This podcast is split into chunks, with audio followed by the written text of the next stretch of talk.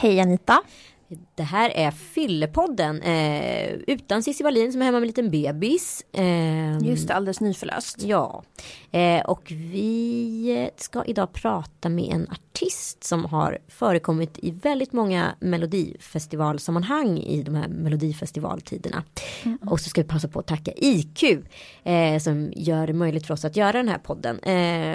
IQs syfte är egentligen att få folk att dricka lite smartare. Eh, mm. De är inte någon nykterhetsrörelse. Det är väldigt viktigt tycker jag att poängtera. Men eh, gå in och testa din egen alkoholkonsumtion på alkoholprofilen. Eh, finns på iq.se. Bianca, mm. bibbar du när du kollar på Melodifestivalen? Eh, ja det gjorde jag sist faktiskt. Gjorde du ja, men alltså, jag har ju börjat kolla på Melodifestivalen. Det måste vara ålderstecken. Jag Oj. tyckte det var kul nu.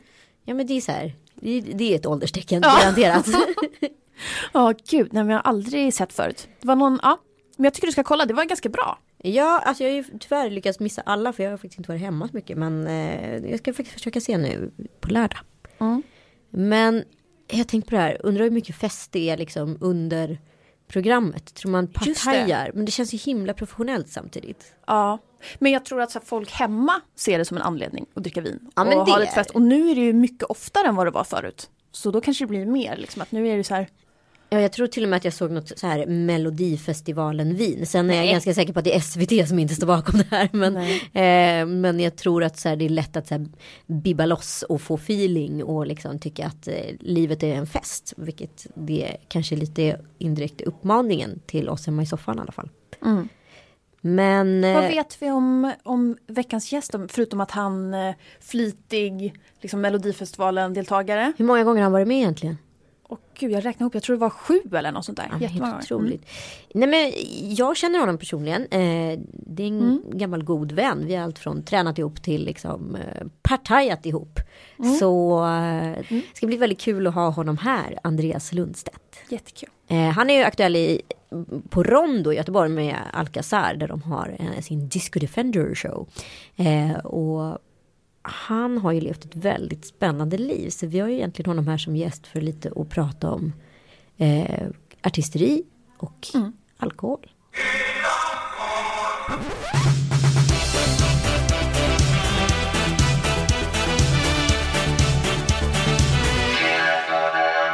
Välkommen hit Andreas Lundstedt, kul Tack. att ha dig här. Tack så mycket. Du sa alldeles nyss att du hade tänkt på någonting. Ja, vad det med gäller, alkohol. Ja, vad, vad, vad har du tänkt på? Nej, jag tänkte på en sak för att i lördags vi gör ju en fantastisk krogshow nu måste jag ju plugga för mm. eh, i Göteborg på Rondo.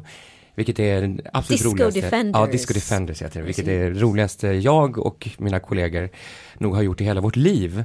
Gud vad roligt. Ja, det, det har tagit oss till liksom allt slit i alla år och alla turnéer vi har gjort har liksom lett till det här, this moment. Gud, och det är så häftigt och vi är så glada och tacksamma. Men då är det som, vi jobbar så hårt och det är som att springa ett maratonpass varje kväll för vi har ju ingen direkt vi är inte direkt kända för att ha ballader utan det är ju upptempolåtar. Så vi har väldigt mycket dans och efter varje gig är man så jädra slut. Eh, men på lördagar så har vi haft så här, okej, okay, det är våran festkväll. För då är vi lediga på söndagar. Vi har sett till att vi åker klockan 10.30 med tåget från Göteborg till Stockholm. Så man kan sova lite. Och man kan dricka lite alkohol. Eller mycket alkohol.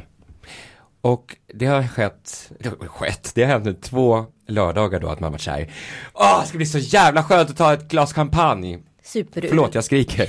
Ja, och det blir Superurladdning. Ja, superurladdning. Och då blir det någon sån här, man går och tänker på det under hela dagen så här, gud vad mysigt vi ska ha ikväll, sen ska vi liksom bara knäcka upp den här moetten. Och så dricker man några glas, det kanske blir några glas för mycket och man glömmer dricka de där vatten. Mm, varannan vatten. Varannan vatten, men ah. man säger det. Hörni, varannan vatten, alla. Dagen efter så mår jag piss. Mm. Speciellt då som senast, när jag drack bara skumpa. Jag älskar skumpa, men kanske inte att dricka hela kvällen. Och då kände jag så här, jag ska aldrig göra det här igen. Men vänta, det har jag ju tänkt så många gånger tidigare. Mm. Jag ska aldrig göra, och då Klassiker. undrar jag, ja, har inte vi alla en liten släng av alkoholism? Därför vi lär oss aldrig. Mm.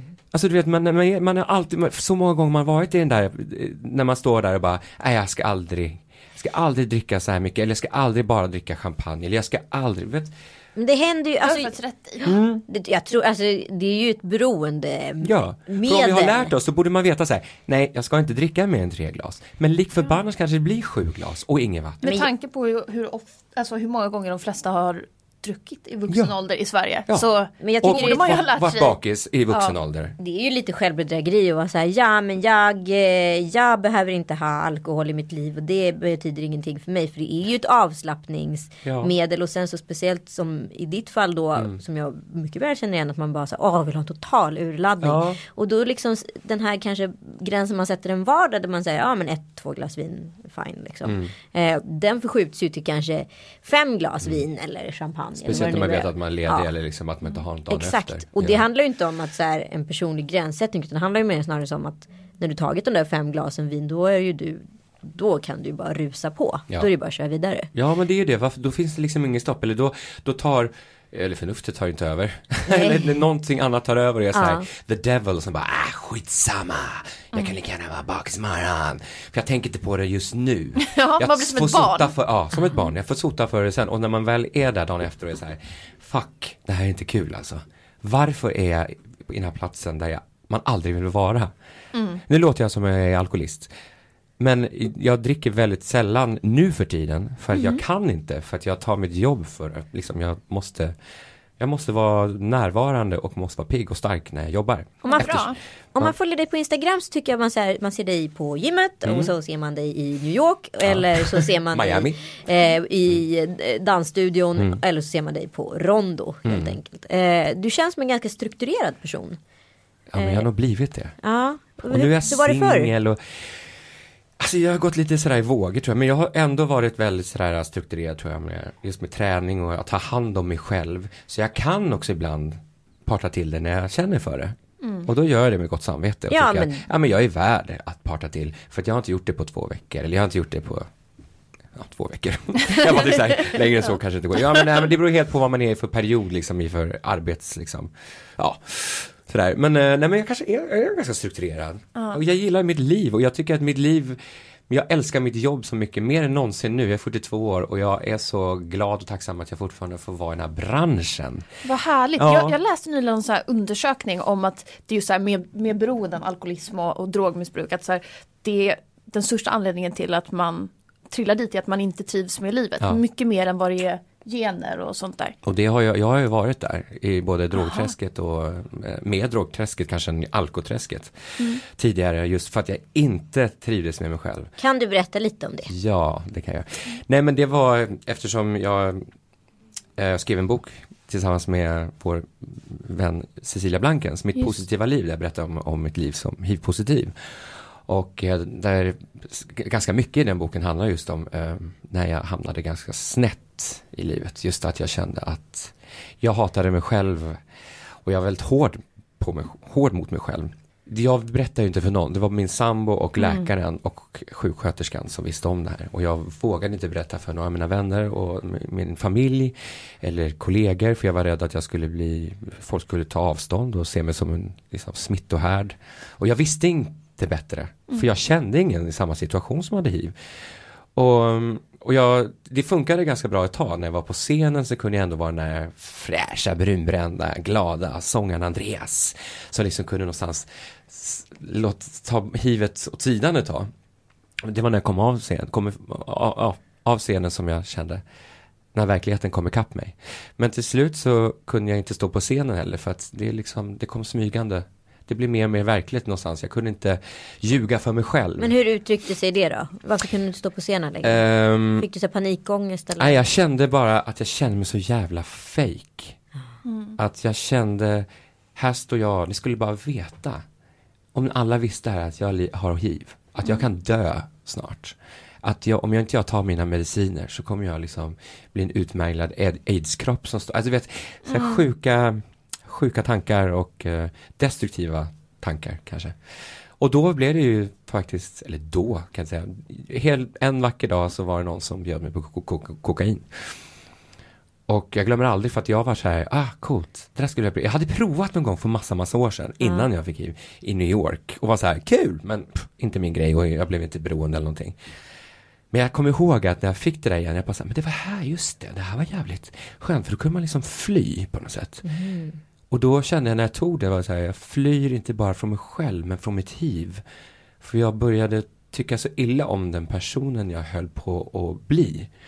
För jag var så, jag var, jag har alltid varit en glad skit jag har alltid varit liksom gillat och gillat livet.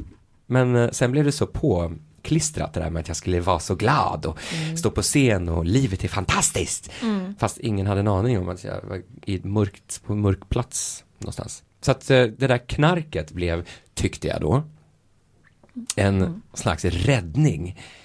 En flykt.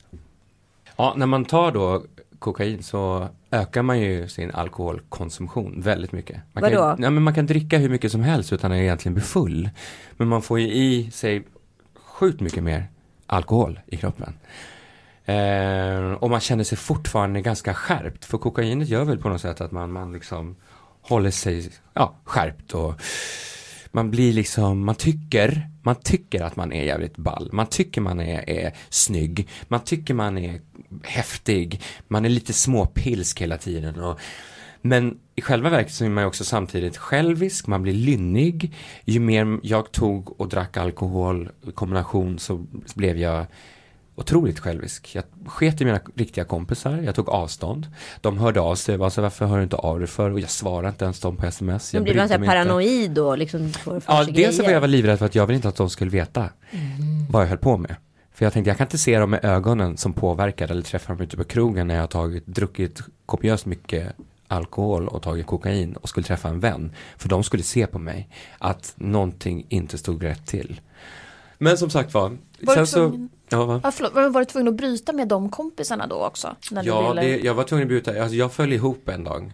Um, det är ganska långt men jag ska försöka göra det kort. Jag föll ihop när jag skulle repetera en musikal som jag hade fått jobb i. Night Fever, det här var 2006. Och då hade jag hållit på knarkat till och från så ett och ett halvt år kanske. Ah, it's all a blur, jag vet inte, ett år, ett och ett halvt, jag vet inte. Och det blev mer och mer, oftare och oftare, liksom in i slutet där. Och så började jag repa den här musikalen. De hade ingen aning att jag festade loss på nätterna. Bara, ah, tokig. Jag höll mig mest på helgerna men, och, men ändå så här, det blev mitt i veckorna, så här, lillördag, onsdag, coolt, ja, men vi kör. Um, och jag kunde inte, jag klarade inte av repetitioner. Jag kunde inte hålla en, komma ihåg en enda replik, ett enda danssteg, en enda sångtext. Jag var helt, det bara brann i skallen på mig. För jag hade inte sovit på flera dagar. Mm. Och då eh, helt plötsligt så föll jag ihop. Jag tror att det blev någon overload. Ja, jag, nej, jag fick nog, jag fick, jag fick nog liten panikångest. Ja. Allting där med mitt hiv, du vet, det var mm. så mycket skit och Helt hemlighet. Ja. Och det är tack gud säger jag att jag föll ihop. Det var liksom så att mina ben bär, bar inte. Det bara, jag bara och låg där och var så här, vad är det som händer? Mm. Och så fick de, de skjutsade mig till en läkare. Och läkaren sa, du är så här nära väggen, sa han och visade liksom att du är väldigt nära väggen. Och jag bara, ja det måste jag ju vara. Och jag var väl nära någon form av vägg också. Så det hade väl eskalerat upp till en, till en vägg. Såklart. Men, eh, och då sa han åt mig, du måste hem, Stäng av mobilen, eh, eh, du ska liksom vara hemma och inte prata med någon på en vecka. Du ska bara ta det jävligt lugnt. Så att du inte slår i den där väggen. Och jag gjorde som han sa. Jag åkte inte hem och bara tog det lugnt. Jag låg i fosterställning i typ i några dagar. Jag kommer inte ihåg, det var också så här väldigt, det är som en dimma. Men jag låg och grät och jag skrek och jag hade sån jävla ångest. Och ju mer liksom, för varje dag som gick så blev jag ju lite knar, klarare i min skalle. Och insåg också lite så här, vad fan håller jag på med? Hur kan jag vara så jävla hård mot mig själv? Jag är en ganska fin kille, jag är ganska snäll. Varför är jag så taskig mot mig själv då? Och jag insåg någonstans att det är fan, det är, jag får välja liksom liv eller död lite. Ska jag fortsätta så här så kommer jag nog inte klara det så mycket länge till. Eller mitt jobb, min karriär, mig själv, min, min liksom allt det där. Jag får börja liksom gå ner till botten med det. Så när jag kom tillbaka, när jag kom tillbaka, eh, men det är så fantastiskt skönt, alltså, så, då var jag ju ganska clean. Vi fortsatte repa, jag satte varenda jävla replik, varenda danssteg, jag sjöng som en gud och det var liksom som en en ny, på nyfödelse av mig själv. Och Gud, de var så här, vad är, den här veckan, did you good? Sen blev det så här, allting kom på sin plats. att jag, det här jobbet gick jättebra, vi fick jättebra recensioner, alltså det bästa, jag har lite så här jag tänker tillbaka på den musikalen Saturday Night Fever som jag gjorde i ett år. Så jag, har, jag tänker tillbaka på, på det med lite sorg. Mm. För det började så fel. Men sen var det fantastiskt. Uh, och sen började vi med Alcazar igen. Och allting bara föll på plats och jag träffade kärleken i mitt liv då. Vem, vem, vem, vilken pojkvän var, är vi vid nu då? Förlåt, det var inte meningen att få dig att låta slampig här nu. ja, verkligen. Han heter Mattias tror jag. Ja, Nej, det tror jag inte. Jag vet det. Mm. Jättefin. Mm. Det höll inte, men, men det var fint då. Eh, fantastisk kille. Eh, nej, men så att, bara helt det där och sen att jag började liksom bli sann mot mig själv och bestämde mig för att nu måste jag berätta för mina nära vänner och kollegor om mitt, liksom, att jag har hiv. Det här går inte längre. Och hur länge hade du haft det då? Jag fick det 99 ah. ungefär, 99 ah, 2000. Pass, ja. Och sen var det väl till 2007 eller? Aha. Precis. Otroligt alltså. Ja, men alltså. jag vet, det är ju så här, hur kan jag gått med det ja. så länge som en hemlighet och inte berätta för folk? Och det fråga, alltså. sa ju mina kompisar när jag berättade till slut och jag hade sån ångest, jag tänkte Okej, okay, bära eller brista. Och så tänkte jag samtidigt, fast jag, min, jag hade ju inte tagit avstånd om min kompis berättat för mig att, vänta, att de har en dödlig sjukdom eller whatever.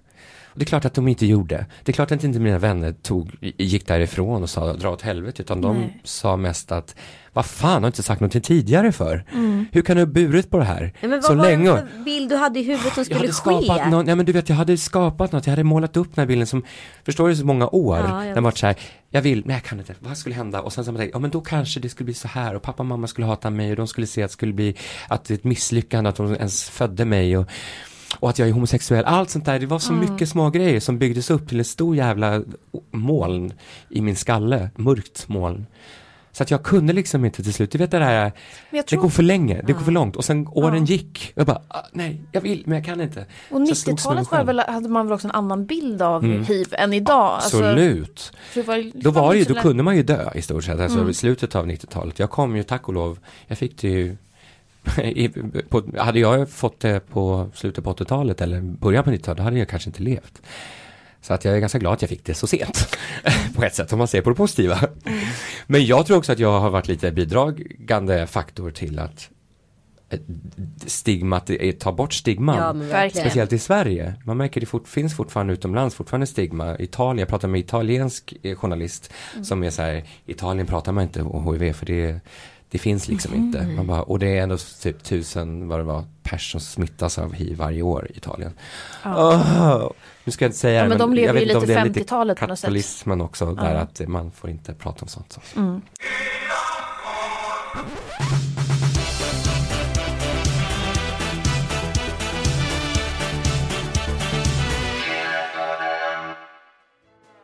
Den amerikanska beroendepsykologen Mark F. Kern som bland annat studerat sambandet mellan showbusiness och alkoholbruk säger i en artikel i New York Times att alkoholberoende oftast är en omedveten strategi som artisterna utvecklar i en naiv och väldigt tidig del av sin karriär. Dels för att festa med andra artister men också för att hantera de obehagliga känslor som kändisskapet kan innebära.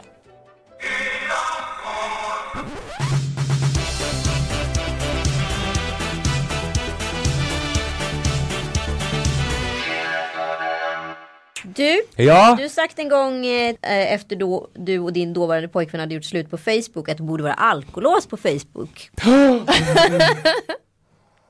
Kommer du ihåg det? Vänta, jag hade skrivit någonting på Facebook. Ja. Hade jag det?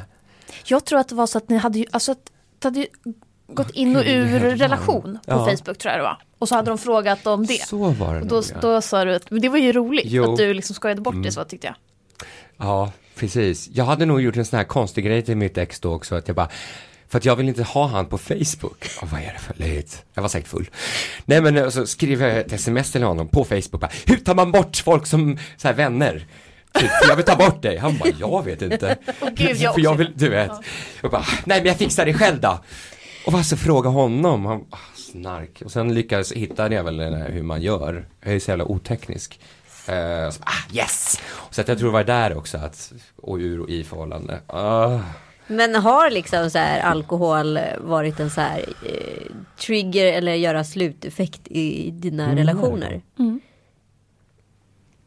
Uh, Nej, jag har, jag har gjort slut på nykter tillstånd, men sen så har den väl alltid Fyllebråk? Fyllebråk, ah. exakt. Mm. Och när man också, när det här, är det slut, är det inte, man mm. har gjort slut, ish. Mm. Och man bor ändå ihop och jag sover hos min kompis i natt, den grejen, så hörs man ändå på fyllan.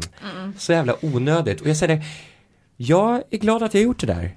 För att jag är glad att jag också, du vet, inte fått sotat för det, men att man inser liksom att det inte är så smart att göra en sån sak. Jag skulle aldrig göra det idag ah, nej, för mycket energi som går åt att hålla på och tjafsa. Men det är så många relationer rent generellt jag tycker. Eh, är det så?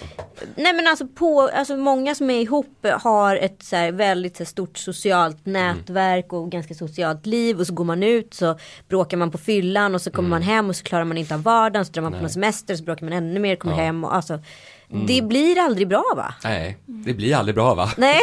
Klart det inte blir. Utan man måste så här, eh, jag tror så här, alla relationer måste klara vardagen. Det är min... Men vad är det här med sociala medier? Folk är så jävla sugna på, eller sugna, det ska vara väldigt mycket sociala medier. Att man ska mm. visa upp sig och sin kärlek ah. hela tiden. Jag har varit där tidigare med, och man fick ju smaka lite på det sen att det, Menar då du? gillar folk eh, Magnus Carlsson. Ja, det där ja, men, fina reportaget. Ja, vi, det var... Just det, din ex-pojkvän. Precis, ex, ex, ex, ex, ex, ex, ex-pojkvän. Ja, men vi tog några fantastiska fina bilder i någon vattenbryn, tyckte vi själva då. Ja. Och vi var så kära. Ja, men sen också när det tog slut, desto roligare tyckte ju press och allting att det var när det var slut. Då blev det ännu större. Och lite så här, då var det så här bilder på den här, hur kära vi var då. Och det gjorde det extra ont, så man sa, fan man kanske inte skulle gjort det där. Man kanske skulle hållit kärleken för sig själv.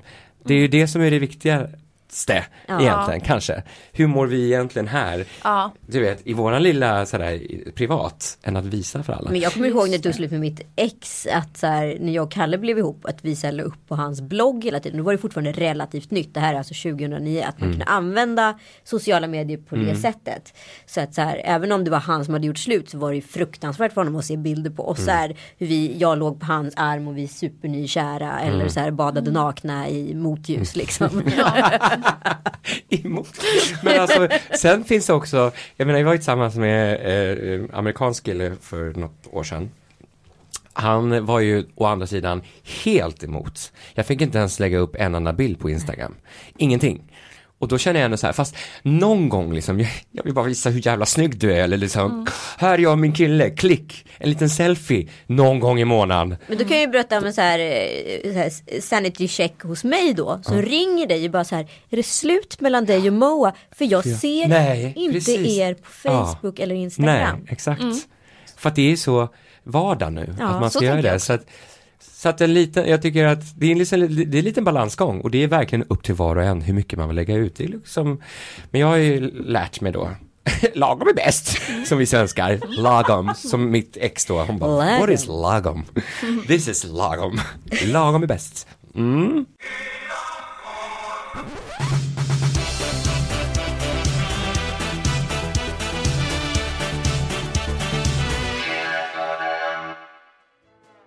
William Pryor skriver i sin bok Survival of the Coolest att han tror att anledningen till ohälsosam alkoholkonsumtion inte är genetisk utan snarare ett svar på att det, som Strindberg sa, är synd om människorna. Helt enkelt att det är svårt att vara människa och att det är brist på lycka som är den främsta orsaken till att människor och främst artister hamnar i alkoholmissbruk.